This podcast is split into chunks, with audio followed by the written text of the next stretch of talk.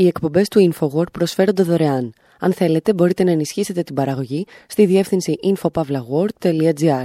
Η διεύθυνση infopavlagor.gr. Η εκπομπή InfoWord με τον Άρη Χατζηστεφάνου.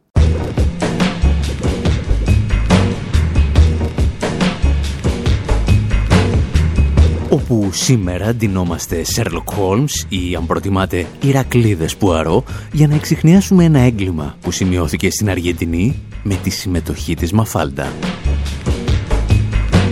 Αναρωτιόμαστε εάν μπορείς να είσαι περονιστής αντάρτης πόλεων και μάλιστα να δηλώνεις πιο περών και από τον περών. Παρακολουθούμε τον Κίνο που μας άφησε δυστυχώς χρόνους να δημιουργεί ένα σκίτσο για μια διαφημιστική εταιρεία και αυτό να τα κάνει όλα μαντάρα. Παρακολουθούμε δηλαδή την μεταπολεμική ιστορία της Αργεντινής με ολίγων από τάγκο και μερικά κόμικ.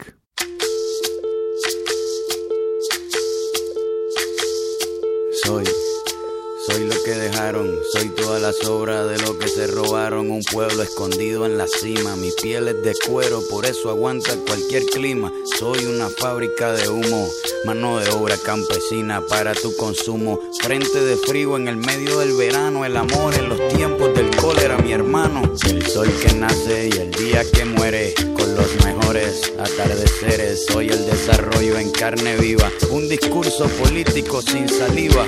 Las caras más bonitas que he conocido. Soy la fotografía de un desaparecido, la sangre dentro de tus venas. Soy un pedazo de tierra que vale la pena una canasta con frijoles. Soy Maradona contra Inglaterra, anotándote dos goles. Soy lo que sostiene mi bandera, la espina dorsal del planeta en mis cordilleras. Soy lo que me enseñó mi padre, el que no quiere a su patria, no quiere a su madre. Soy América Latina, un pueblo sin pierna pero que camina. Oye, no puedes puedes comprar.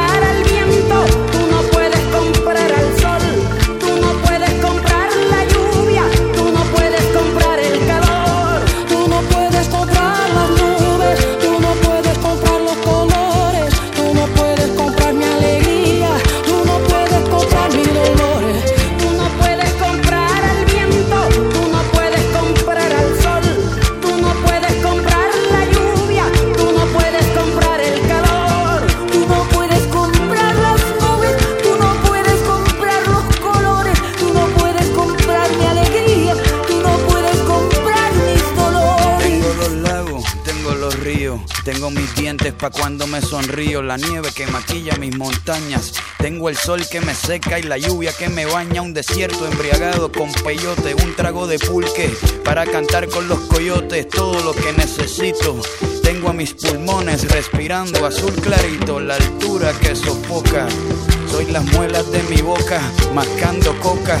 El otoño con sus hojas desmayadas, los versos escritos bajo la noche estrellada una viña repleta de uva, un cañaveral bajo el sol en Cuba. Soy el mar Caribe que vigila las casitas, haciendo rituales y agua bendita, el viento que peina mi cabello. Soy todos los santos que cuelgan de mi cuello, el jugo de mi lucha no es artificial porque el abono de mi tierra es natural. Tú no puedes comprar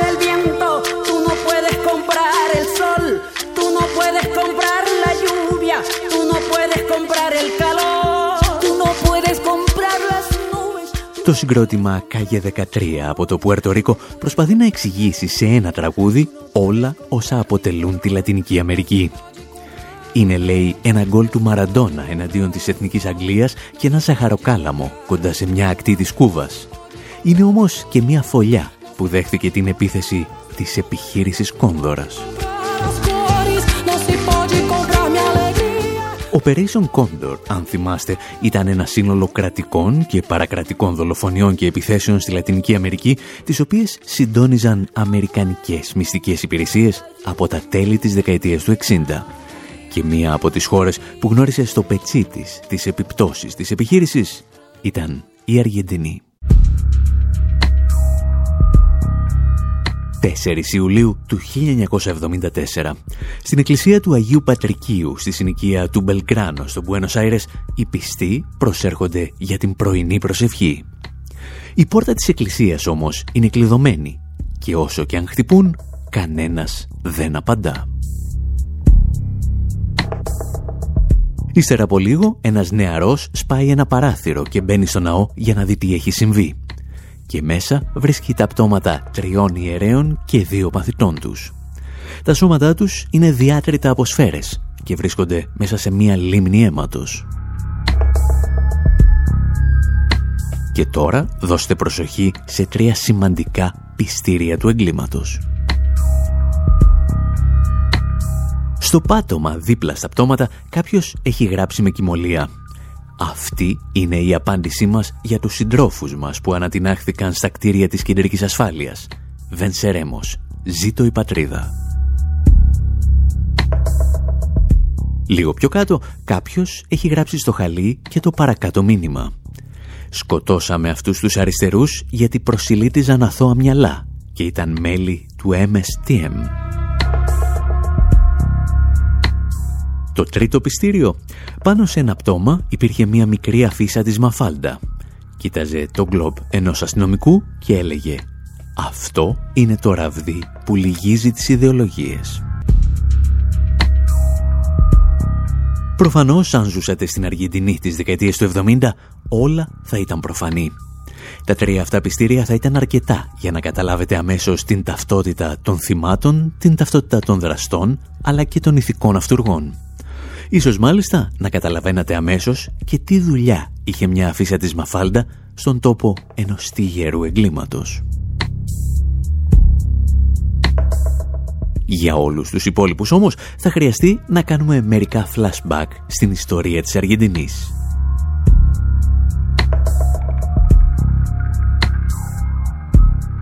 Το πρώτο μέλημα κάθε detective που φτάνει στον τόπο του εγκλήματος είναι φυσικά να προσδιορίσει την ταυτότητα του θύματος. Στην περίπτωσή μας αυτό είναι μάλλον προφανές, αφού όλοι γνώριζαν τους συγκεκριμένους ιερείς, ενώ ακόμη και οι δράστες φρόντιζαν να αφήσουν και τα δικά τους στοιχεία για αυτούς. Τα θύματα ήταν πράγματι μέλη του MSTM, τα οποία είναι τα αρχικά των λέξεων Movimiento de Sacerdotes para el Tercer Mundo, κίνημα ιερέων για τον τρίτο κόσμο. Το MSTM αποτελούσε τμήμα της Καθολικής Εκκλησίας της Αργεντινής. Τα μέλη του όμως φλερτάραν με τον μαρξισμό και τις πιο ριζοσπαστικές ιδέες της εποχής τους. Πολιτικά στήριζαν την αριστερή πτέρυγα του περονισμού και έδειχναν ανοχή, ανόχη και στήριξη σε αριστερούς αγωνιστές που διώκονταν από το κράτος και το παρακράτος. Το κίνημα ιερέων για τον τρίτο κόσμο ήταν μία από τις πολλές εκφάνσεις που λάμβανε στη Νότια Αμερική η λεγόμενη θεολογία της απελευθέρωσης. Ένα κίνημα το οποίο, αν και είχε τις ρίζες του στην Εκκλησία, ήταν πολύ πιο ριζοσπαστικό από πολλά κινήματα της Ευρώπης που δηλώνουν άθεα και επαναστατικά. Τα μέλη της θεολογίας της απελευθέρωσης διώκονταν και πολύ συχνά εκτελούνταν ή βασανίζονταν από τα φιλοαμερικανικά καθεστώτα της Λατινικής Αμερικής. Αν μάλιστα έτυχε να δείτε και την ταινία «Οι δύο πάπες», θα θυμάστε ότι ο σημερινός πάπας είχε εγκαταλείψει τους συντρόφους του κληρικούς, οι οποίοι οδηγήθηκαν στην ασφάλεια και βασανίστηκαν. Μέχρι στιγμής λοιπόν αναγνωρίσαμε την ταυτότητα των θυμάτων, οπότε μπορούμε να προχωρήσουμε στο δεύτερο ζητούμενο, την ταυτότητα των δραστών. Εδώ τα πράγματα είναι εξίσου απλά, καθώς οι δράστες ήταν υπερήφανοι για την πράξη τους και μάλιστα άφησαν επαρκή στοιχεία για την ταυτότητά τους. Αν θυμάστε, ανέφεραν ότι πραγματοποίησαν τις δολοφονίες στο όνομα των συντρόφων τους που ανατινάχθηκαν στα κεντρικά της Ομοσπονδιακής Ασφάλειας στο Μπουένος Άιρες. Γεγονός που μας οδηγεί σε μια ιστορία που έλαβε χώρα 48 ώρες νωρίτερα. 2 Ιουλίου του 1976 πραγματοποιείται επίθεση με εκρηκτικά στα κεντρικά της ασφάλειας της Αργεντινής. Απολογισμός 20 νεκροί. Την ευθύνη αναλαμβάνει το ένοπλο αντάρτικο πόλεων των Μοντονέρος, για το οποίο θα χρειαστεί να σας πούμε μερικά ακόμη λογάκια.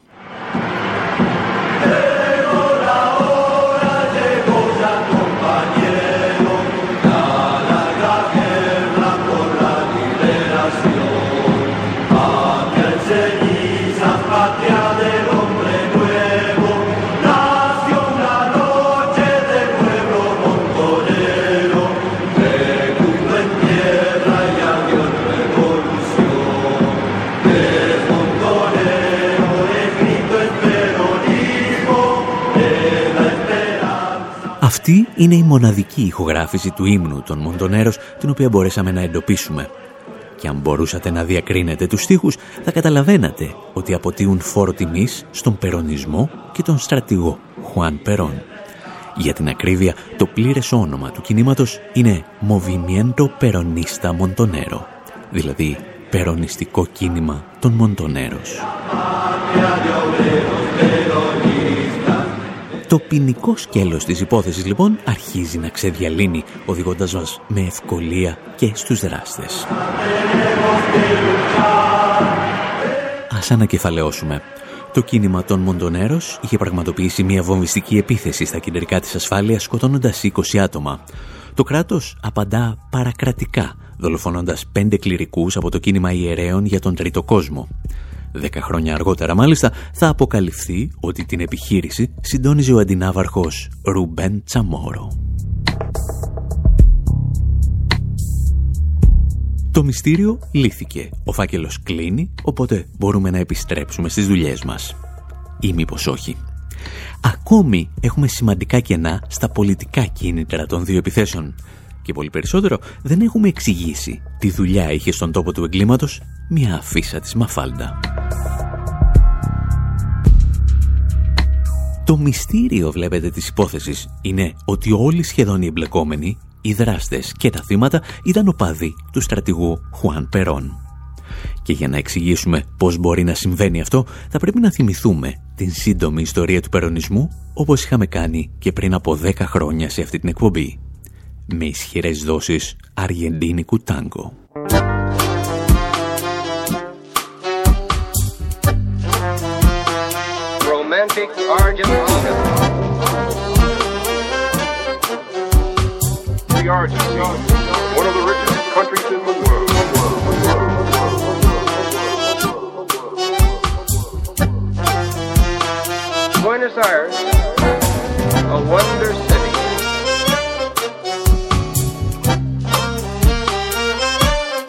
Gotham Project τραγουδούν το Disillusion σε ελεύθερη απόδοση χωρίς αυταπάτες. Απογοήτευση. Τραγουδούν για μια χώρα που αποτελούσε κάποτε το διαμάντι της Νότιας Αμερικής. Πριν από μερικά χρόνια το Infowar ταξίδεψε μέχρι την Αργεντινή και ένα βράδυ Σαββάτου βρέθηκε στο Πουέρτο Μαδέρο, το παλιό λιμάνι του Μπουένος Άιρες.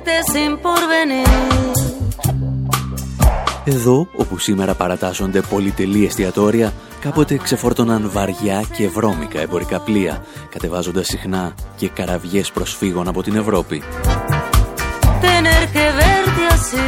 Αυτό το ετερόκλητο μείγμα Ευρωπαίων μεταναστών, απελευθερωμένων σκλάβων από την Αφρική και γηγενών από την Υπηρωτική Αμερική θα γεννήσει στην σύγχρονη Αργεντινή το τάγκο. Κουβανέζικη χαμπανέρα συναντά την Ουρουγουανή και Αργεντίνικη μιλόγκα, ενώ δένεται με αφρικανικούς ρυθμούς και ευρωπαϊκές μελωδίες. Και ο νέος χορός που αναγκάζει το ζευγάρι να έρθει σε άμεση σωματική επαφή είναι τόσο ανέσχυντα ερωτικός όσο επαναστατικό ήταν κάποτε το βάλς.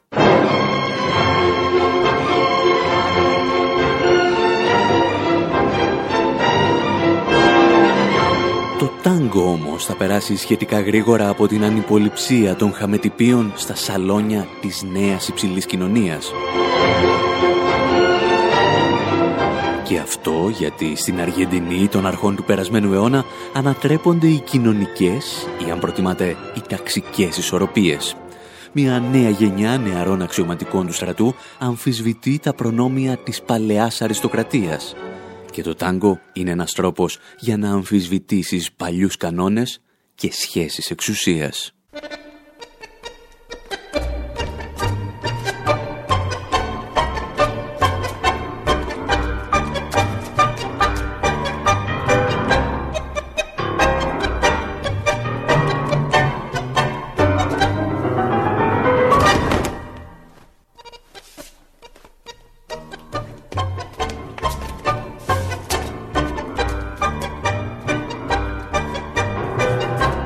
Συνέβη και στην Τουρκία του Κεμάλα Τούρκ, οι νεαροί αξιωματικοί θα στελεχώσουν μια νέα αστική τάξη, η οποία ακόμη βέβαια δεν μπορεί να σταθεί μόνη στα πόδια της.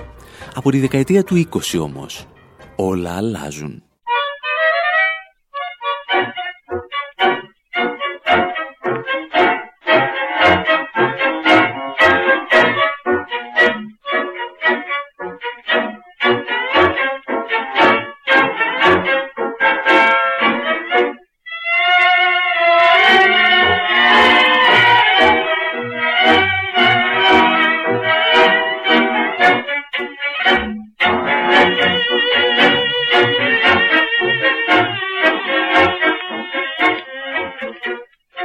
Η Αργεντινή δεν είναι πλέον μια χώρα ξεχασμένη στο νότο της Αμερικανικής Υπήρου. Είναι μια από τις δέκα πλουσιότερες χώρες του πλανήτη.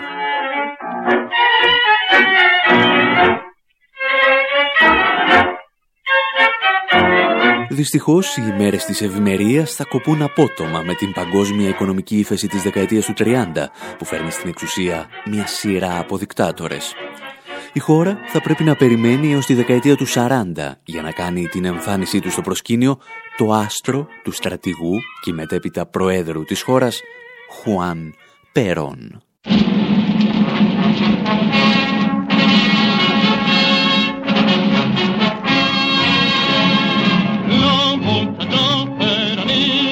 Οικογένεια Περόν, ο Χουάν και η Εύα φλερτάρουν υπερβολικά με τον φασισμό.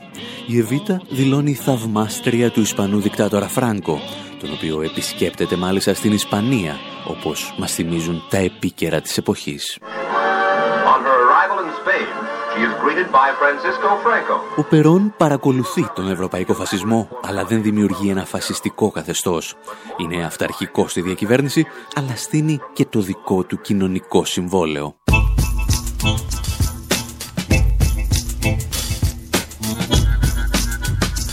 Ουσιαστικά, ανταποκρινόμενος και στις πιέσεις που δέχεται από τη βάση, ο Χουέν Περόν κάνει ό,τι και οι περισσότεροι μεγάλοι ηγέτες μετά το Δεύτερο Παγκόσμιο Πόλεμο. Τοποθετεί τον δημόσιο τομέα στη θέση της ατμομηχανής της οικονομίας. Επιχειρεί έτσι να τραβήξει την εθνική αμαξοστοιχεία από τους βάλτους στους οποίους είχε βρεθεί τις προηγούμενες δεκαετίες.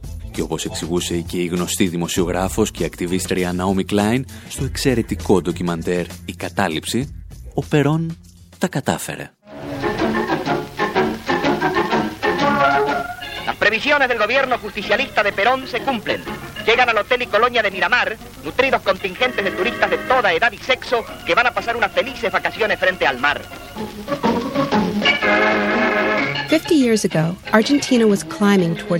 Πριν από 50 χρόνια, η Αργεντινή ανέβαινε τη σκάλα προς τον πρώτο κόσμο. Αναπτυσσόταν όπως ο Καναδάς και η Αυστραλία. Ο Χουάν Περόν, ο στρατιωτικός ηγέτης που κυβέρνησε στη χρυσή εποχή της Αργεντινής, ακολούθησε το ίδιο μοντέλο που κυριαρχούσε στην Ευρώπη και τη Βόρεια Αμερική. Τεράστια δημόσια έργα υποδομής που μετέτρεψαν την Αργεντινή σε μια παραγωγική οικονομία. Το αποτέλεσμα ήταν να δημιουργηθούν τα πιο εύπορα μεσαία στρώματα σε ολόκληρη τη Λατινική Αμερική. The result was the most prosperous middle class in Latin America.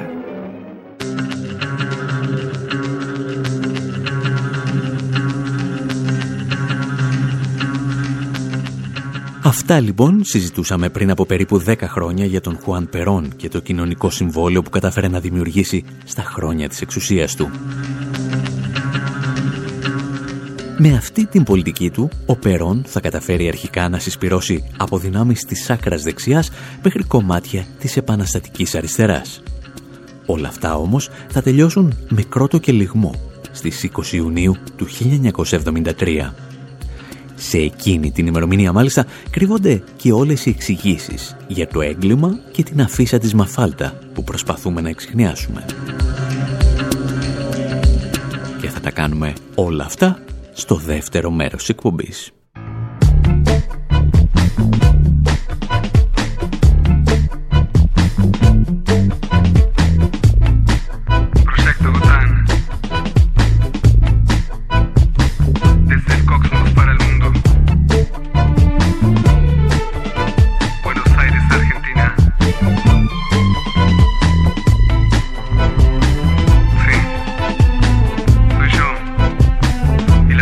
pensamientos.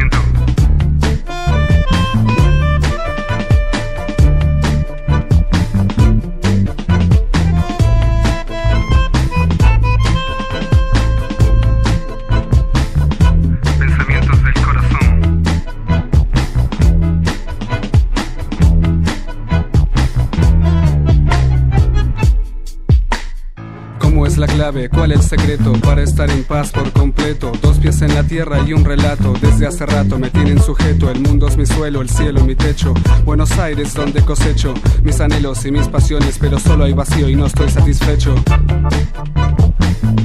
Y no estoy satisfecho. No estoy satisfecho.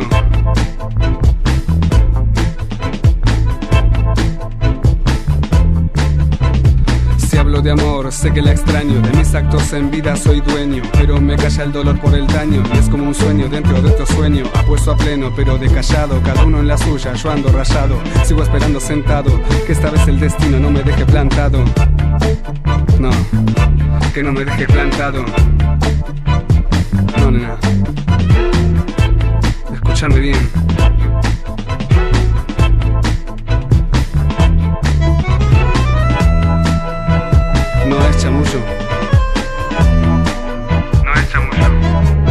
Es amor. Me lava yo mía, che, la culpa no fue mía. De amor yo no sé nada, lo mío, la astronomía. Vos sabías bien que yo era un mamarracho. Vos no sabías bien, soy un borracho. Más y que ya no me reclames. No me esperé, flaca, ya no me Todos lo saben, prefiero ser MC. Hasta el farolito de la calle que nací. Tengo una balada para un loco. Que la conquiste yo para mí porque estoy loco. Y eso me provocó que en vos pensase ya. Si un poema nace, los más hábiles dejamos pasar los abriles inmóviles para no quedar como giles. Y así ya no me enamoro de nuevo. Y así ya no me enamoro de vos de nuevo. Pensamientos del corazón son mi confesión. Tampoco mi inspiración. Pensamientos del corazón son mi confesión. ¿Qué sé yo? Pero sé que no es. Tampoco mi inspiración. Pensamientos del corazón son mi confesión. ¿Qué? Tampoco mi inspiración. No. Pensamientos del corazón son mi confesión. ¿Qué sé yo? Pero sé que no es. Tampoco mi inspiración. Y ella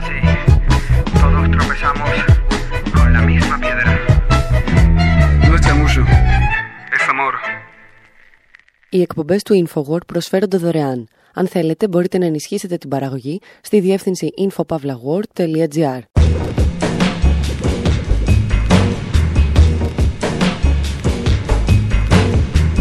Εκπομπή InfoWord, μέρος δεύτερο. Όπου προσπαθούμε να εξηχνιάσουμε ένα έγκλημα που διαπράχθηκε πριν από 4,5 δεκαετίες στο Buenos Aires. Γνωρίζουμε ότι τα θύματα ήταν πέντε κληρικοί που συμμετείχαν στο κίνημα ιερέων για τον τρίτο κόσμο. Ξέρουμε ότι οι δράστες ήταν στρατιωτικοί που εκτελούσαν εντολές του αντινάβαρχου Ρουμπέν Τσαμόρο. Γνωρίζουμε επίσης το κίνητρο. Δολοφόνησαν τους κληρικούς σαν αντίπεινα στην επίθεση που είχε πραγματοποιήσει στα γραφεία της κεντρικής ασφάλειας το κίνημα ανταρτών πόλης Μοντονέρος. Αυτό που δεν έχουμε εξηγήσει είναι πώς γίνεται όλοι οι εμπλεκόμενοι να είναι υποστηρικτές του στρατηγού Χουάν Περόν και του περονισμού.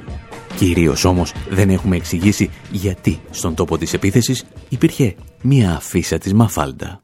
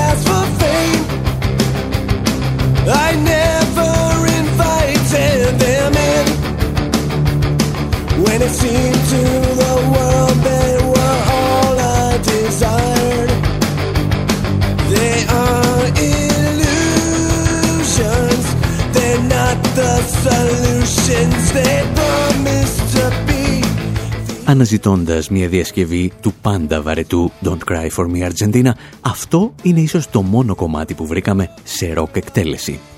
Γεγονός που δεν το κάνει αναγκαστικά καλύτερο. Don't cry for me, Argentina. The truth is I never left you. All through my Η άχρηστη πληροφορία της ημέρας είναι ότι το συγκρότημα ονομαζόταν No Use For A Name και ο μπασίστας του Steve Πασπουσής. Το δικό μας ημερολόγιο πάντως γράφει πλέον 20 Ιουνίου του 1973 και η Αργεντινή γνωρίζει το νόημα της λέξης χαρμολύπη. Περίπου 2,5 ή και 3 εκατομμύρια άνθρωποι έχουν συγκεντρωθεί στο διεθνές αεροδρόμιο Εζέιζα του Μπουένος Άιρες για να υποδεχθούν τον στρατηγό Χουάν Περόν. Ο δικός τους εθνάρχης επιστρέφει στην πατρίδα του ύστερα από 18 χρόνια εξορία στην Ισπανία. Στο αεροδρόμιο έχουν συγκεντρωθεί δυνάμεις από το σύνολο του πολιτικού φάσματος της χώρας. Και όταν λέμε το σύνολο, το εννοούμε σχεδόν κυριολεκτικά.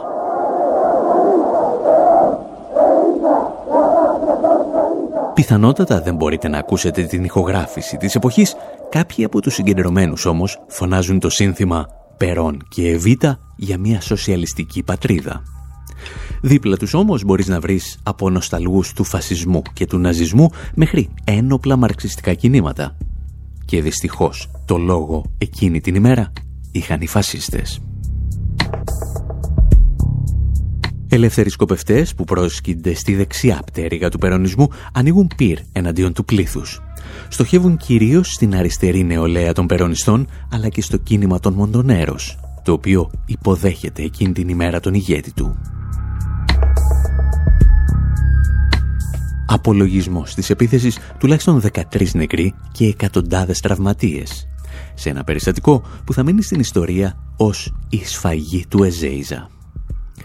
Η ιδιότυπη συνύπαρξη αριστερών και δεξιών υπό την στέγη του περονισμού φτάνει απότομα στο τέλος της και βυθίζεται στο αίμα. Λίγο αργότερα, ο Περόν θα απομακρύνει τους Μοντονέρος από την παράταξή του και θα τους αφήσει βορρά, στο παρακράτος, το οποίο θα καταφέρει να τους εξαφανίσει ολοκληρωτικά σε περίπου πέντε χρόνια.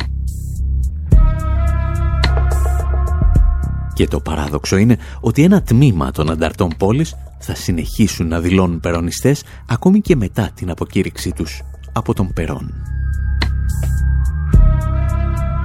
Ο περονισμός πάντως έχει μόλις ολοκληρώσει την ακροδεξιά και φιλοφασιστική του στροφή.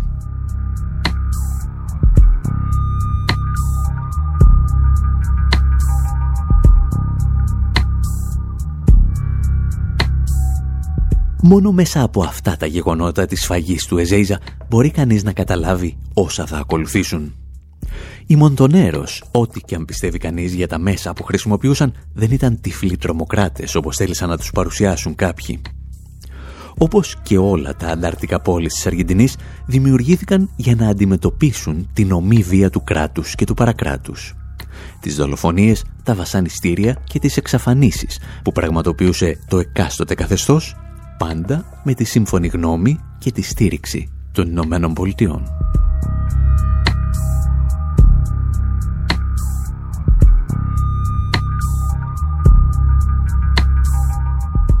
Για να επιστρέψουμε όμως στην ιστορία με την οποία ξεκινήσαμε.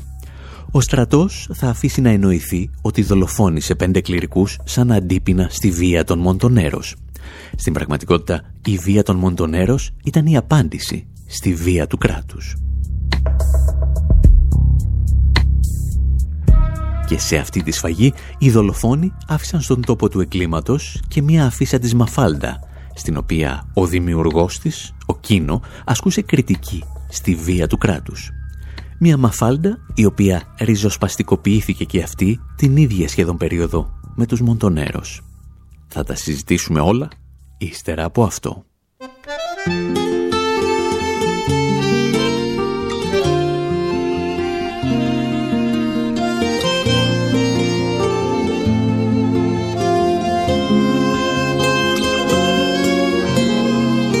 Mis manos y estas calles son láminas de hielo. Te busco perdido por San Telmo, colgado de los cables que unen los tejados. La lluvia cae como una vieja canción de los Stones, como el ángel que empujaron de un avión. Y siempre es jueves en la plaza de mayo. Te busco tras el vaho de un cristal del colectivo y en la cena los malvados de mis amigos me preguntan una y otra vez por ti y caen los rostros Αυτό ήταν ίσως το μέγιστο χρονικό διάστημα στο οποίο αντέχουμε να ακούσουμε το τραγούδι του Ισμαήλ Σεράνο από την Αργεντινή. Απόδειξη ότι ακόμη και αν έχεις τις καλύτερες πολιτικές προθέσεις, αν είσαι βαρετός τραγουδοποιός, καλύτερα να ασχοληθείς με κάτι άλλο. Γιατί σε αντίθεση με τη μουσική, οι στίχοι του Σεράνο έχουν πραγματικά ενδιαφέρον. Γράφτηκαν για την κοινωνική εξέγερση του 2001, όταν η Αργεντινή αποφάσισε ότι δεν μπορεί να ανεχτεί άλλο την πολιτική του Διεθνούς Νομισματικού Ταμείου, το οποίο διέλυε την οικονομία της. Ανάμεσα σε άλλα, ο Σεράνο τραγουδάει και για τις μητέρες της Πλάζα Ντεμάγιο, που εδώ και δεκαετίες συγκεντρώνονται κάθε πέμπτη, αναζητώντας εξηγήσεις για τα παιδιά τους, που εξαφανίστηκαν στα χρόνια της δικτατορίας. Και ύστερα, ο Σεράνο τραγουδάει και για τη Μαφάλντα και τις απόψεις της για τον πυρηνικό πόλεμο.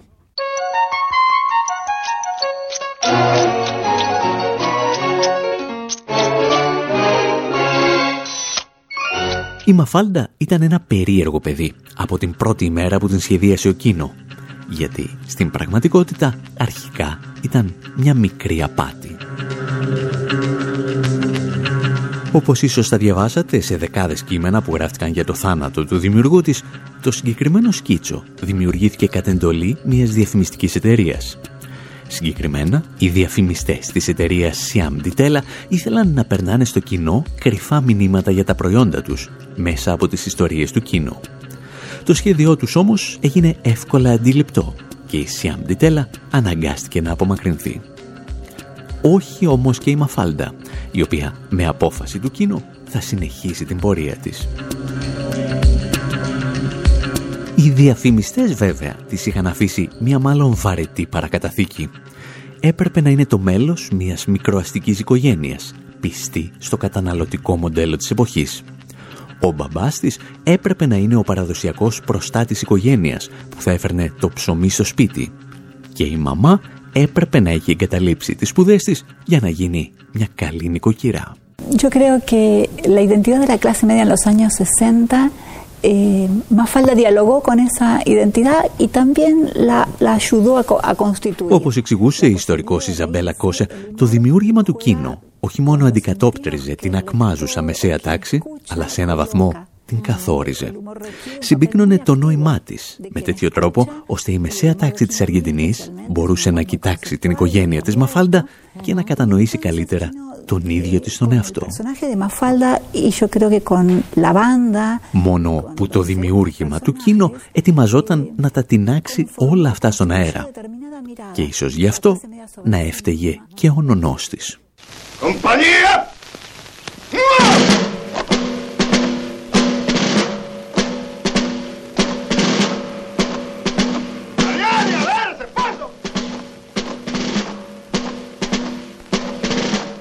Η Μαφάλντα θα πάρει το όνομά της από ένα μωρό που εμφανίζεται για λίγα μόνο λεπτά στην ταινία Dar la Cara, αποσπάσματα της οποίας ακούμε εδώ.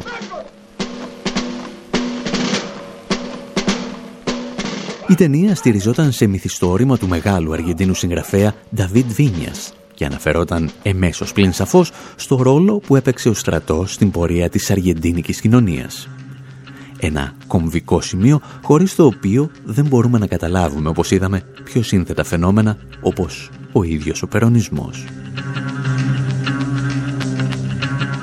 Για την ιστορία, ο Βίνιας ήταν μια βαθιά αριστερή φωνή σε όλη του τη ζωή και προς το τέλος αυτής έριξε το βάρος του υπέρ της Προέδρου της Αργεντινής Κριστίνα Κίρχνερ όταν αυτή έδινε τη δική της μάχη απέναντι στο Διεθνές Νομισματικό Ταμείο και τους ξένους δανειστές της χώρας.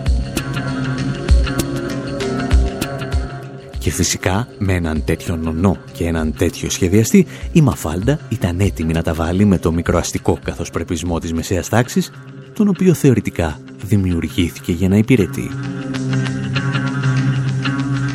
Μερικές ακόμη σκέψεις ύστερα από αυτό.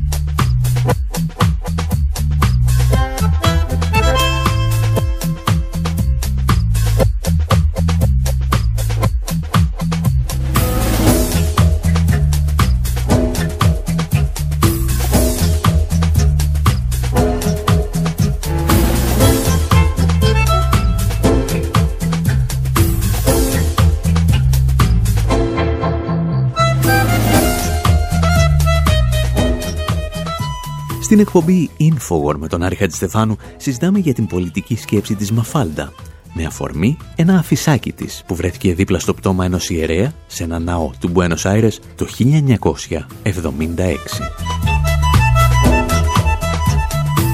Την είδαμε να ξεκινά σαν μια μικρή απάτη μιας μεγάλης διαφημιστικής εταιρείας και να μετατρέπεται σε ένα δημόσιο κατήγορο της δικτατορίας της Αργεντινής αλλά και του καταναλωτισμού, του σεξισμού και του πολέμου.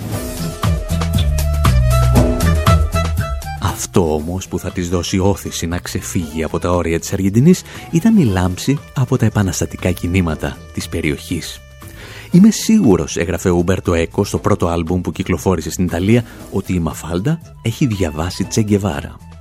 Και μπορεί, συνεχίζει ο Έκο, να μην πολύ καταλαβαίνει τι γίνεται στο Βιετνάμ και γιατί υπάρχει φτώχεια στον κόσμο, αλλά ξέρει πολύ καλά πως όλα αυτά πρέπει να αλλάξουν.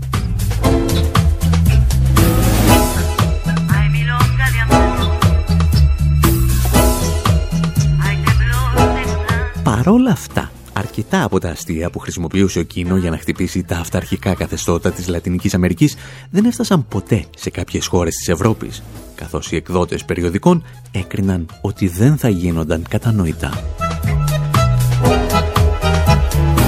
Ίσως το χαρακτηριστικότερο παράδειγμα ήταν η στιγμή που ο φίλος της Μαφάλντα, ο Μανολίτο, φωνάζει «Επανάσταση» και καλεί τα υπόλοιπα παιδιά να παίξουν με άρματα μάχης. Περίπου όπως έκαναν δηλαδή και οι δεκάδες δικτάτορες της Λατινικής Αμερικής που ονόμαζαν τις χούντες τους επαναστάσεις. Στην Ελλάδα πάντως το αστείο το καταλάβαμε αμέσως. Ίσως γιατί το είχαμε δει και στο Λούφα και Παραλλαγή.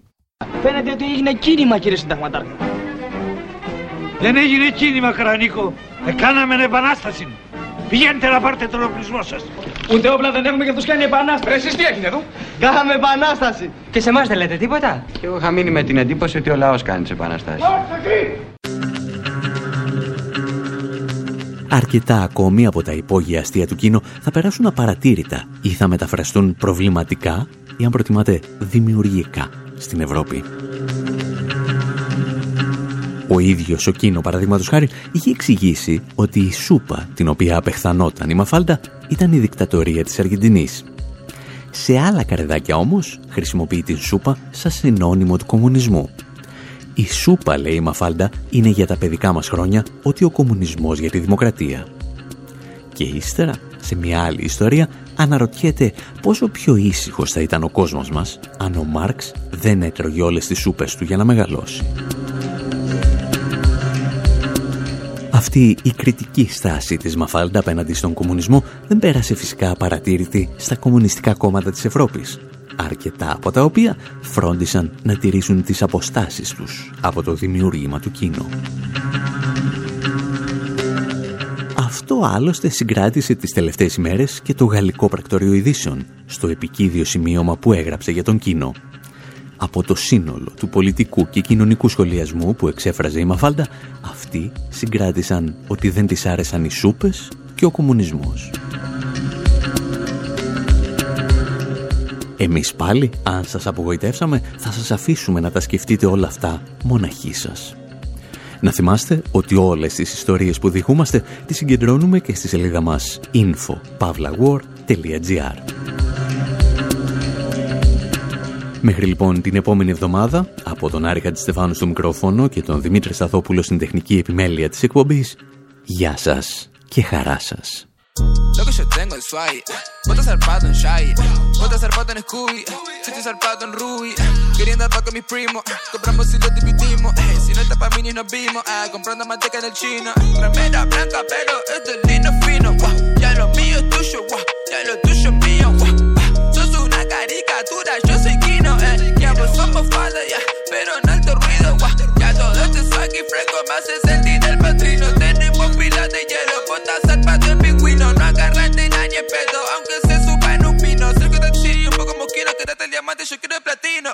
Como tranqui, fumo tranqui, duermo tranqui, estoy tranqui. Le saco las panty, ey, estamos repicanti, ey, homie toma frula, ey, tranqui, fumo tranqui, Quentin, Repiola, Dabus, Swaggin.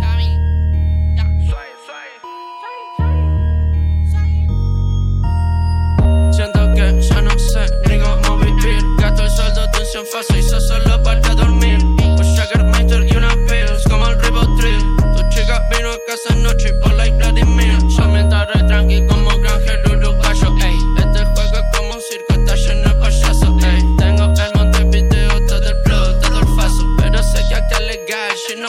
ni flexiarlo. Sergio Tachini, un poco de mochino. Una seda de Louis Vuitton, me siento al pachino. Bitch, no capelletini, está silando fino. Con Dabus en baile, estamos re tranquilos. Como tranqui, fumo tranqui, duermo tranqui, estoy tranqui, le saco las panties, estamos repicantes, llama Frula, humo y traficante. Como